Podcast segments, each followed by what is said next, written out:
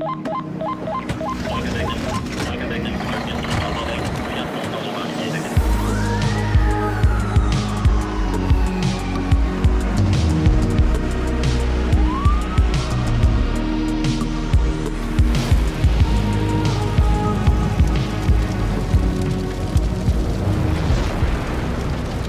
velkommen tilbake til en ny episode av Brannkast. I dag skal vi snakke om USAR, og min gjest i dag er Inge Myhrer, fagansvarlig fra USAR, Nedre Romerike brann og redning. Hei og velkommen, Inge. Hei, hei, Eivind. Eh, takk for at jeg fikk komme. Veldig hyggelig å, å stille opp her på Brannkast. Ja, eh, gleden er på min side. Tusen takk for at du eh, stiller. Eh, så må jeg nesten stille spørsmålet. Hvem er egentlig du? Ja, eh, Inge Myhrer, eh, 38 år, bor i Nord-Odalen, eller Odalen som vi sier. Er en bygdegutt, gutt, har vokst opp på en liten gård. Eh, nå bor jeg på et lite småbruk sammen med samboer og to, to små jenter. Eh, Opprinnelig så er jeg mekaniker. Har jobbet med brann og redning i 16 år. Eh, har jobbet en del år som arborist ved siden av brannjobben, med trefelling og beskjæring. Jobber i Nedre Romerike brann- og redningsvesen IKS. Jeg er en såkalt eh, nerd og har stor interesse for redning. Jeg har hørt at nerd kan være bra enkelte ganger i forbindelse med brann og redning. Litt usikker. Ja, det er bra. Jeg er fagansvarlig i USAR i Nedre Romerike. Innehar diverse kurs og kompetanse og litt erfaring fra USAR og da tauredning.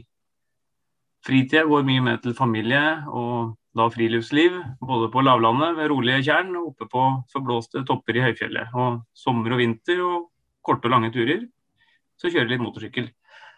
Det er jo litt sånn i grove trekk hvem jeg, hvem jeg er.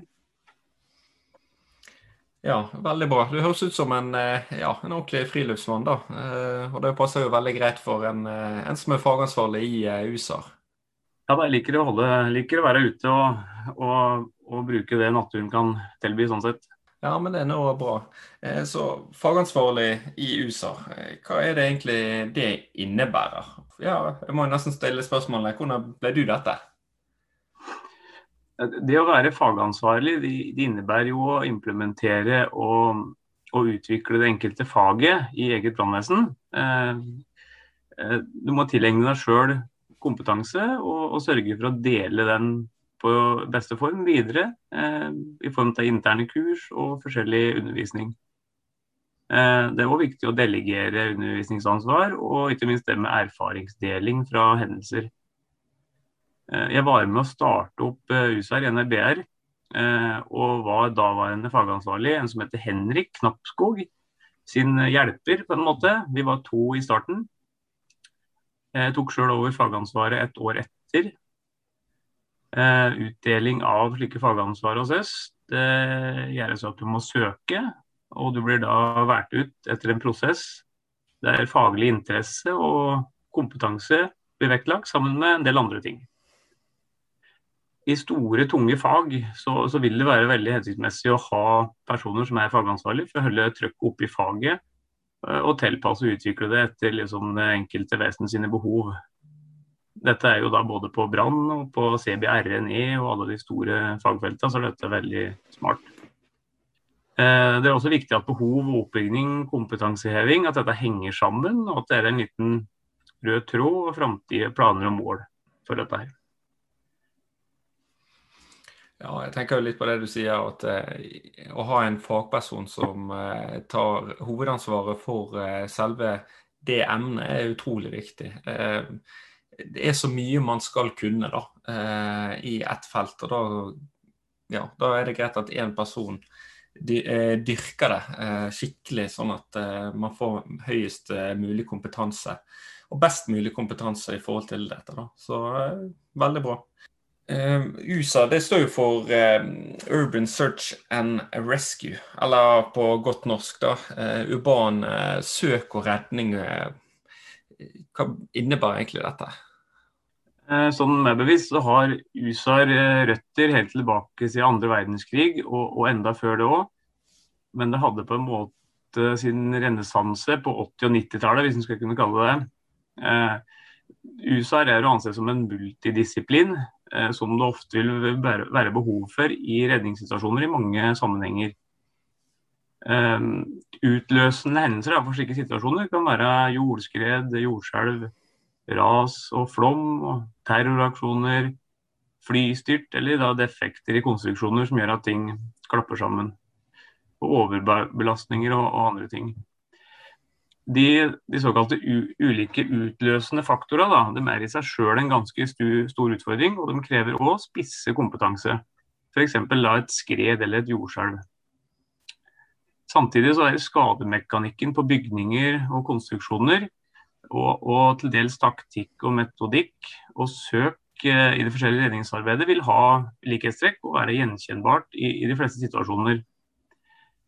I Nedre Romerike, eh, for å ta det som et eksempel, så har vi delt inn USA i seks felt. Eh, der har vi noe som heter tunge løft og flytt. Det, det omfavner alt som har med ulykker å gjøre. Der tunge kjøretøy og, og tunge ting er innblandet. Arbeidsulykker og sånne ting. Det er det å flytte og sikre eh, tunge, store ting. Vi har urban tauredning. Det er jo da for å evakuere pasienter, eller å bruke det som tilkomst for oss sjøl for å nå eh, pasienter i redningssituasjoner. Enten oppe i f.eks. et tårnkran eller under bakkens nivå. Eh, i, under bakkenivå. Confined Space eh, det er en del vi har tatt inn fra Amerika, som går på da arbeid i litt sånne plasser med begrenset plass der inngangen og tilkomsten kan være klønete og trang. Og samtidig så kan det hende at det jobbes under bakken eller i, i konstruksjoner og tanker f.eks. som gjør at det, atmosfæren er farlig. Så vi må jobbe med pusteluft. Det er veldig ofte en kombinasjon med tau eh, i her, eh, dette feltet her, for å, å entre og komme til og evakuere pasienter. Så har vi redning og sikring av pasienter i grøfter. Det er en sånn metodikk vi har stjålet fra amerikanske brann- og redningsvesen. Eh, som går på da å sikre grøfter for å grave ut da forulykke folk som er fanget i grøfta. Så har vi sammenraste bygg som et eget felt, eh, som går på det med sammenraste bygg eh, generelt rundt det, og, og, det med ras og skred. Eh, med dette her da, så mener vi å dekke det meste vi vil komme ut for i en urban redningssituasjon. Eh, og det at vi vil ha ekstra kunnskap om ras og skred, det som er en utløsende faktor, da, det er en lokaltilpasning som vi har vært å legge vekt på, i og med at vi har mye kvikklereforekomster i vårt distrikt. Med andre ord et uh, veldig, veldig stort uh, fagfelt. da. Men hva kan en uh, slik gruppe, gruppe, bidra med, da? ja. Slike grupper kan bistå med mm, risikovurdering, kartlegging og søk. Og da spesielt lokalisering og redning av personer som er rammet av forskjellige hendelser i urbane omgivelser. De hendelsene kan jo være utløst, som jeg har vært inne på, av villede handlinger og ulykker i form av jordskjelv, ras, skred, flom, kollapser i broer, tunneler og annen infrastruktur. Eller ulykker med tunge kjøretøy og gjenstander, fly, tog og, og lastebiler. Eh, evakuering av mennesker i trange rom, siloer og tanker og kulverter. Eh, og redning av mennesker i grøfter. Redning og evakuere i høyden eller under bakkenivå. Og Det kan også være en kombinasjon av alt dette her, eller ikke alt, men altså flere ting. Så det kan være veldig omfattende. Ja, det virker jo veldig omfattende. Um, så hovedsakelig da, så består det egentlig av eh, ting som har kollapset, da, og så skal dere på en måte redde folk ut av det. da, og Det kan enten være i form av skred eller bygningskollaps eller ja, infrastruktur da, som har eh, falt sammen. Ja, eh, korrekt. Kort oppsummert så er det det, egentlig. Ja. Eh, må jeg nesten også spørre, er det mye jordskjelv i, i eh, Norge? Nei, det er jo ikke det. Eh, det blir jo registrert noe jordskjelv i løpet av året, det gjør det. Eh, uten at det er noen nevneverdig størrelse på det. Eh, I 1904 så hadde vi et jordskjelv som gikk oppover sør for Oslo og videre oppover gjennom Oslo. Så det er jo bare Det vil jo vise om det kommer noen flere jordskjelv der etter hvert. Men vi, ikke, vi bærer ikke noe stort preg av jordskjelv der, nei. Nei. Ikke sånn som på, på Skjelvet, den filmen? Nei da, det, det, er jo bygd litt opp på det jordskjelvet, det. Men det, det er jo vanskelig å vite om det kommer eller ikke. Det får jo bare tida vise, egentlig. Ja, vi får se. Vi får se. ja. eh, så du snakket jo litt om at dere eh, har en USA-gruppe hos dere. Eh, er det noen andre steder i, eh, i Norge det er sånn USA-gruppe? Jeg vet jo at det er Bergen, men eh, er det andre steder også? Ja, vi finner slike grupper, USA-mannskaper, eller såkalte grupper, da, i Trondheim og Bergen, Nedre Romerike og Oslo. Det er eh, sånn cirka så er det vel drøyt 80 mann sånn totalt sett. Det er et ganske lite miljø for dette i Norge, og, og vi, kjenner til, vi, kjenner til, hverandre de aller fleste slik sett, og har en del kontakt, faktisk. Mm, ja. ja. men det er bra med tette, tette miljøer. Det, det, er veldig bra. Eh, dette arbeidet virker jo utrolig krevende, og det virker jo som det er veldig mange utfordringer med USAR. Eh, altså, hva slags utfordringer er det egentlig med USAR? Nei, det, Utfordringen kan være veldig mange. Det er jo mange felt som drar med seg mye forskjellige utfordringer. Samtidig så er det jo de utfordringene som gjør dette her eh, givende på sin måte. Så vi bruker jo den spesialkompetansen og erfaringa vi har til å lage gode planer da, for å utføre oppdraget på beste måte. Det å løse oppdraget, eh, det er jo det som står i, i fokus hele tiden i, i, tillegg til å forsøke å gjøre risikoen altså lav som mulig, så må vi unngå å male oss inn i et hjørne. Vi vil ikke låses, og vi vil stort sett alltid prøve å ha en vei tilbake.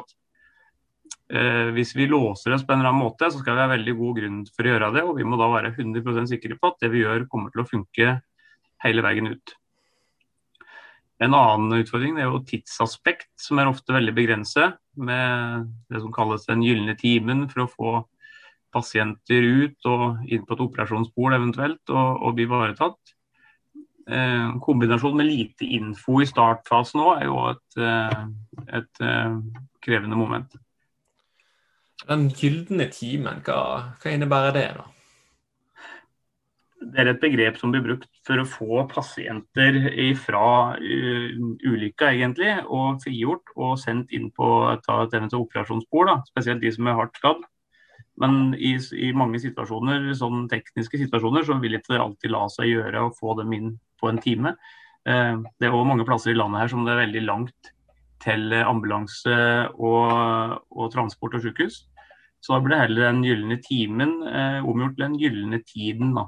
Og da skal den tida være så kort som mulig. Ok. Ja, det altså sånne store, omfattende hendelser, så, så, må jo man også få litt oversikt også. og det, det tar jo litt tid å jobbe seg inn og få ja, rett og slett vite hvor eh, pasienten er, og hvor det faktisk er trygt. da.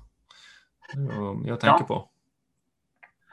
Absolutt. Og det er jo med den grunnopplæringa han har, da, den, der, måte, den manglende info som han har i starten, det kan kompensere bitte litt for med å ha eh, litt kompetanse på forhånd. Men samtidig så må han lese hendelsen. Og Plan B, kreativitet og omstilling, det er nøkkelord i, i redningssammenheng. Eh, og Du må ha, ha, øye for detaljer og være nøye. Det er veldig smart. Ting som tilsynelatende er uvesentlig på en type oppdrag, kan være utslagsgivende i et annet et. Eh, og Man bør jo reflektere og å skjønne hvorfor ting fungerte eller ikke fungerte, og være ydmyk og, og lære hele tida. Den aller største utfordringen med dette er kanskje faktisk det å ha muligheter til å øve og utvikle faget og, og kompetansen. Mm. Ja, absolutt. Man må være ydmyk. Uh, og tenker jo det der uh, slow is smooth and uh, smooth is fast. altså Her må vi skynde oss sakte da, for å få best mulig arbeidsvilkår. Det er jo litt sånn generelt hvordan det er i brannvesenet også. at må faktisk være litt ydmyk og, og ta den tiden det trenger, men kjapt, da. Absolutt. Det er jo ikke alle som er USAR-mannskap. Hva kan annet mannskap bidra med før eh, en eventuell gruppe kommer? Altså, disse USA-gruppene det er jo i som sagt eh, Nedre Romerike, Oslo, eh, Bergen og Trondheim. La oss si det skjer midt, midt ute i landet eller langt oppe i nord. Altså, hva kan annet mannskap gjøre før denne gruppen kommer? Nei, Det er jo de som eier hendelsen og kommer på den førsteinnsatsen som må gjøre en jobb uansett. Sånn er det jo det fungerer her i Norge. Eh, respons, responstid er ganske lang på sånne hjelperessurser. Eh, ting en kan gjøre på forhånd, det er jo da sikring av skadestellet, som vi er vant til. Kartlegging og enkle søk, eh, overflatesøk.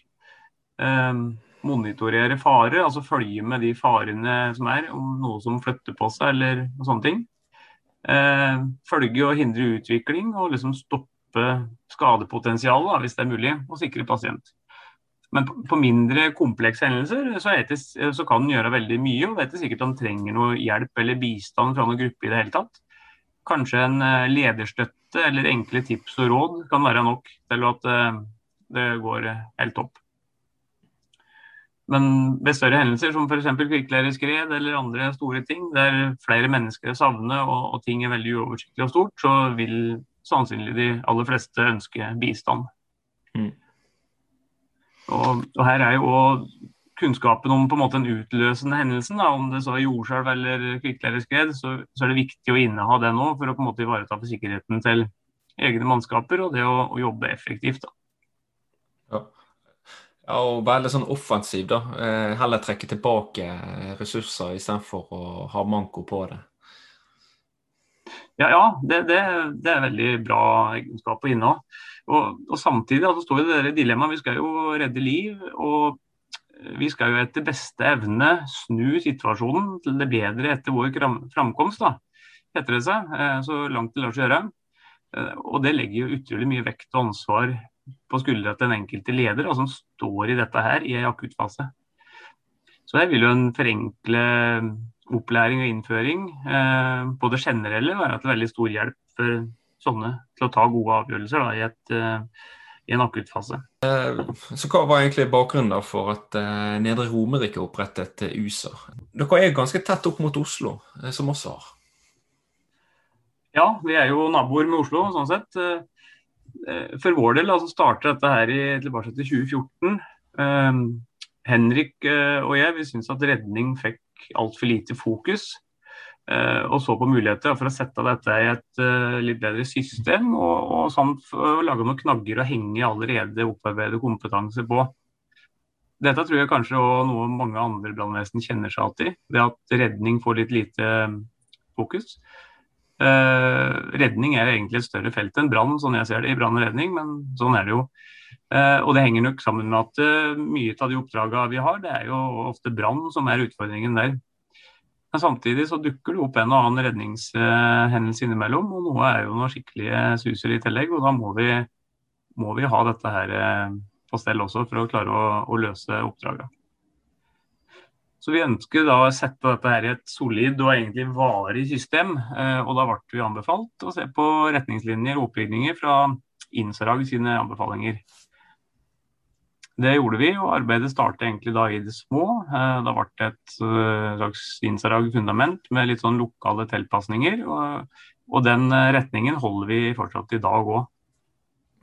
Etter kvikkleireskredet vi hadde i Sørum da, på høsten i 2016, så ble det innvilget mer både midler og tid egentlig til å utvikle dette lenger. Og det ble opprettet fagansvar på, på det området her, da, som senere da ble kalt USAR. Pga. de store kvikkleireforekomstene vi har i vårt distrikt, så ønsker vi å inneha denne kompetansen av eget hus, eh, sjøl om Oslo hadde det. Veien videre har blitt litt til ettersom vi har gått, og vi har fått veldig mange gode råd og, og samarbeidspartnere på, på, veien, både i inn- og utland, egentlig. Og, og, kontakter og nettverk det er òg et nøkkelord ved en slik type oppbygging. Så, og I dag så står vi med USA-gruppe på 21 mann. Jeg må jo spørre, eh, hva er Insarag? Ja, INSARAG er veldig mye. Eh, kort om det. INSARAG står for eh, International Search and Rescue Advisory Group. Det er en internasjonal rådgivningsgruppe for søk og redning. og Det er et nettverk av land og organisasjoner som er ut, uh, utsatt for katastrofer og bidrar da inn med urban søk og redning og operasjonell feltkoordinering. Det er et globalt nettverk med mer enn 90 land og organisasjoner, og det er underlagt FN. Eh, de utarbeider retningslinjer og standarder for arbeid med søk og redning. Eh, eh, oppbygning, forskjellig taktikk og metodikk. Og det er òg de som godkjenner og sertifiserer da, internasjonale USA-grupper. med en såkalt IEC-godkjenning. Men Insag, er også ganske mye mer, så det går an å gå inn på deres nettsider og lese litt hvis en er interessert i det. Ja, ja. Uh, men dette er ikke sånn gruppe som også reiser ut av, eller? Altså på hendelser og bidrar uh, på sånne katastrofer og lignende? Nei, det er på en måte Insarag som styrer alle de internasjonale gruppene globalt. da, med, okay. ja. På krisehendelser rundt om i, i verden. Mm. Er det andre grupper dere samarbeider òg med, eller?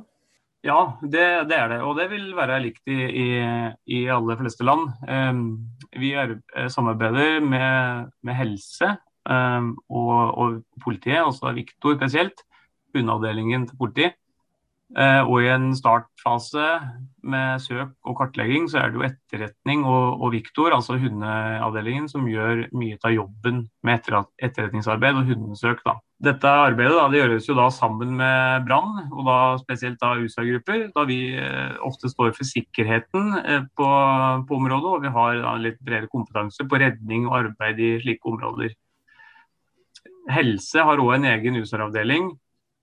Eh, I Oslo universitetssykehus er det en gruppe som heter Beredskapsenheten, som vi jobber tett med på like skadesteder. Eh, de sørger for fremskutt pasientbehandling så tidlig som mulig. Og dette igjen forlenger tida vår til å frigjøre og frakte pasienten ut. Og igjen så øker jo det sjansen for overlevelse betraktelig hvis du sitter fast over lengre tid. De er også til stede for å behandle innsatspersonell og oss egentlig for eventuelle skader, så de er det for alles uh, sikkerhet, på en måte. Uh, alle disse mannskapene fra både brann, ambulanse og politi har en spesialopplæring på USAR i sitt fagområde, men har òg en slags uh, generell felles lik opplæring og forståelse for det å oppfølge seg og arbeide i slike områder. Eh, ved hendelser som innebærer ras og skred og, og slike ting, så har vi òg tett samarbeid med NVE og andre aktører som gir oss geologisk og geoteknisk støtte da, i forbindelse med redningsarbeidet, f.eks. som i Ask mange, eh, veldig mange som er involvert. Da, og hvis en eh, slik eh, hendelse da, som et kvikkleireskred eh, hender, da. Ja, det, samvirket er veldig stort på store hendelser, det sier seg litt sjøl. Mm. Og det er òg veldig mange andre på en måte instanser og grupper og folk vi samarbeider med på sånne skalleteller som ikke jeg har nevnt nå. Den lista er uendelig lang på store, store skallesteller, og, og det er veldig viktig. Ja. Og så ser jeg også at det er f.eks. Eh, på Gjerdrum, da, som vi kommer til å snakke om litt senere, så ser jeg at det er så mange andre som også har lyst, lyst til å være involvert, altså lyst til å hjelpe til med en gang noe skjer. Eh, f.eks. folk har lyst til å hjelpe med redning eller hjelpe med kompetanse, eller til og med gi vekk klær da med en gang et, en hendelse skjer. Da. Så det er jo, Med en gang noe sånt skjer, så det, da blir det stort. Absolutt, og det er veldig bra at det er den måten. Men jeg må jo også spørre deg om uh, hvordan uh, altså, hvordan blir man egentlig med på dette? Er det noe utdanning for å bli med i USA, spesielt her i Norge? Sånn som det er i Norge per i dag, så, så finnes det ikke noe som styrer USAR USA eller urban søk og redning på noen måte, egentlig. Eh, verken på det å etablere grupper og et miljø, eller det liksom å utnytte seg av kompetansen rundt om når den trengs. da. Det er helt opp til det enkelte brannvesen i den enkelte kommune egentlig, å, å, bestemme det. Eh, for vår del, hvis vi skal ta NRBR som et eksempel, så ser vi etter mannskap som har interesse for faget, og samtidig kanskje innehar eh, ekstra kompetanse på en eller flere felt innenfor redning. En spesialkompetanse av noe slag. Som da vil bidra inn i gruppa og gjøre den enda sterkere. Hva kan det være, da? Det kan jo være f.eks. Eh, å jobbe i tau, eller at du rett og slett er vant til å holde på ute. Det kan være maskinførerkompetanse og kompetanse på bygg og betong. Og, det kan være ganske mye, egentlig. Det er ganske mye vi er innom i den der opplæringsmodellen. Så det vil være mange plasser det er mulig å bidra inn da, for å gjøre den der gruppa sterkere. Mm. Eh, og dette er nok en tjeneste for dem som er litt over middels interessert. Eh, det krever litt ekstra av deg. Da vi leverer, det vi leverer er ganske omfattende, kan være. Så man må bli søke for å bli tatt inn når det er behov for folk. i gruppa vi har. Da da er inne i gruppa, så får man et uh, internt grunnkurs, og nå ansvarlig for egentrening og øvelser sjøl. Med eget vaktlag og rett og slett for å holde kompetansen oppe. Og Hvert år så blir den testet ut i en såkalt utsjekk i ett eller flere felt i redning. Da er det på en måte en test både på individuelle ferdigheter og, og som et lag. Eh, som skal være en sånn liten målestokk for den vi står igjen det året. Og hva vi kanskje skal øve videre på eh, neste år.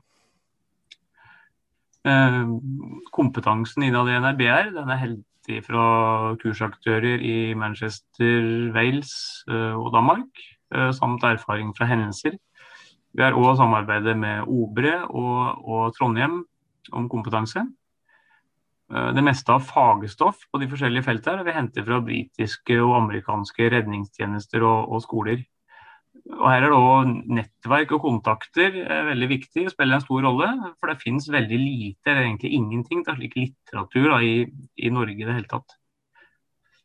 Så Innholdet i det grunnkurset vi har lagt opp, det er eh, som sagt etter INSARAG guidelines. Og dette er da satt opp litt mot behov og ROS-analyser og lokale tilpasninger.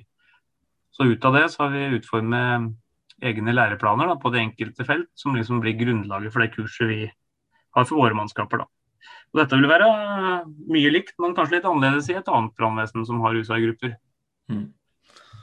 Du er litt inne på behovet. Eh, vi så jo etter Gjerdrum Gjerdrum at eh, dette fort kan bli lange og store oppdrag. Altså, og så står vi nå overfor store klimaendringer framover. Hvor er egentlig behovet for USAR i Norge? Eh, altså, Behovet er der absolutt. Eh, som tidligere nevnt så synes jeg at redning får lite fokus eh, generelt for hele Brann-Norge. behovet er her, og det vil mest sannsynlig bli, bli større. Eh, når vi jobber opp mot beredskap, så må man prøve å se hva som kan komme, og ikke det som har vært. Se litt i den runde kula, hvis man kan det. Eh, jeg tror det er det som vil rustes til å takle de framtidige hendelsene. Store som små, egentlig. Eh, mitt inntrykk og egentlig personlig mening det er kanskje at vi står ved et slags lite vendepunkt. Der det blir litt mindre brann kanskje, og litt mer redning. Eh, hvis vi tar for oss og legger sammen faktorer som klimaendringer, eh, resultater av geologiske påvirkninger, samfunnsendringer, eh, stor utbygging og større befolkning, så tror jeg resultatet av det vil bli eh, mange flere hendelser med åra der det er behov for da, spesialredning eh, og USA-grupper. Å opparbeide gode, kompetente USA- og redningsgrupper, det, det tar mange år. Og det er for seint å begynne med det da behovet skriker. Så jeg tror det lønner seg at vi er litt framme i skoa føre var på det feltet her. Ja, absolutt. Eh, men du sier jo det. Eh, brann og Eller det blir jo mer og mer redning. Men burde ikke da andre etater eller organisasjoner eh, bidra? Brannvesenet gjør jo snart alt. Fra helse til politisaker til vannredning til ja, nå dette. Altså, hvor mye ansvar kan et brannvesen ta? Nei, Det er litt det som er det store spørsmålet. Ansvar og fordeling til det. Men i hvert fall mine tanker om det, det er at i den daglige drifta til samfunnet, så, så, tror jeg absolutt det er brannvesenet som bør drive med urban søk og redning og den type redning. Eh, men vi har absolutt mye som vi skal kunne, og det er mye rart vi kan komme og utføre. Eh, og det er mye ansvar på kommunene, egentlig. Samtidig så er jo dette ansvaret fordelt og begrunnet i, i, form av analyser og beredskapsplaner og lignende. Eh, og han kan jo heller ikke forvente at alle skal ha en slik tjeneste. Det er både krevende både økonomisk og faglig, egentlig. Men så er det jo noe slikt rundt om i, i Norge at uh, uansett så i andre fag så kan vi, og, og, yrker så kan vi på en måte takke nei hvis vi syns jobba er altfor hårete. i brann og redning så kan vi ikke takke nei når signalet er gått. Vi må brette opp ermene og, og, gjøre det beste for de som er rammet da når signalet går. Eh, og det at brannfolk er så flinke, uh, ulike og løsningsorienterte, det gjør jo at vi løser det aller meste. Men på noe oppdrag så, så vil den spesialkompetansen og bistanden fra slike grupper være helt avgjørende, sånn som jeg ser det. Mm, ja, jeg er helt enig. Men har vi kapasitet til å ha dette ansvaret, da? Altså syv vakter i måneden. Brannkonstabel skal jo kunne alt mulig. Og ja, det burde jo vært en eh, spesialgruppe. Får vi nok tid til eh, å øve? sånn som ting er i dag, så gjør vi, så gjør vi egentlig til det. Kapasiteten eh, til å tilegne, beholde og levere denne kompetansen, da, det er jo helt annen side av saken. Som sagt, det er, det er så mye en brannmann skal kunne i dag. Eh, og en er helt avhengig av litt spesialisering for å få dette til å bære. Eh, alle bør så klart ha en slags enkel grunnleggende opplæring i husarv. Da tenker jeg på det som eh, går på sikkerhet, og, og hvordan slike skadestellet fungerer, og hva som kan skje. Eh, dette kan man få fra starten av på f.eks. brannskolen. Eh, og For å bli veldig god, så må man øve, eh, og det gjelder akkurat det samme for husar. Eh, skal man øve mye på det, så må man øve mindre på noe annet. Eh, så jeg tror kanskje litt sånn light-spesialisering er veien å gå for å få dette til å, bære seg og bli bra. Eh, regionale og nasjonale grupper fordelt på de brannvesenene som har kompetansen i dag, vil òg være hensiktsmessig. Eh, men det vil være nødvendig med midler og støtte til kompetanseheving og øving og utstyr fra staten. Og dette er veldig krevende for den enkelte vesen og kommune og deler av organiseringa av disse gruppene det kunne ligge hos et overordnet forvaltningsorgan. Og Det bør også komme på plass en, på en, en forhåndsdefinert ordning som dekker utgifter til den enkelte kommune og enkelte brannvesen, da disse gruppene eventuelt da blir brukt rundt om i landet. Slik eh, totalt sett for kurs- og kompetanseheving på de mannskapene og gruppene her over det grunnleggende, så mener vi bør se på kurs- og kompetansemuligheter utenfor Norges grenser. Det er veldig mange rundt om i Europa som er veldig eh, langt fremme på dette. her. Eh, til og med også veldig fattige land er veldig gode på urban søk og redning.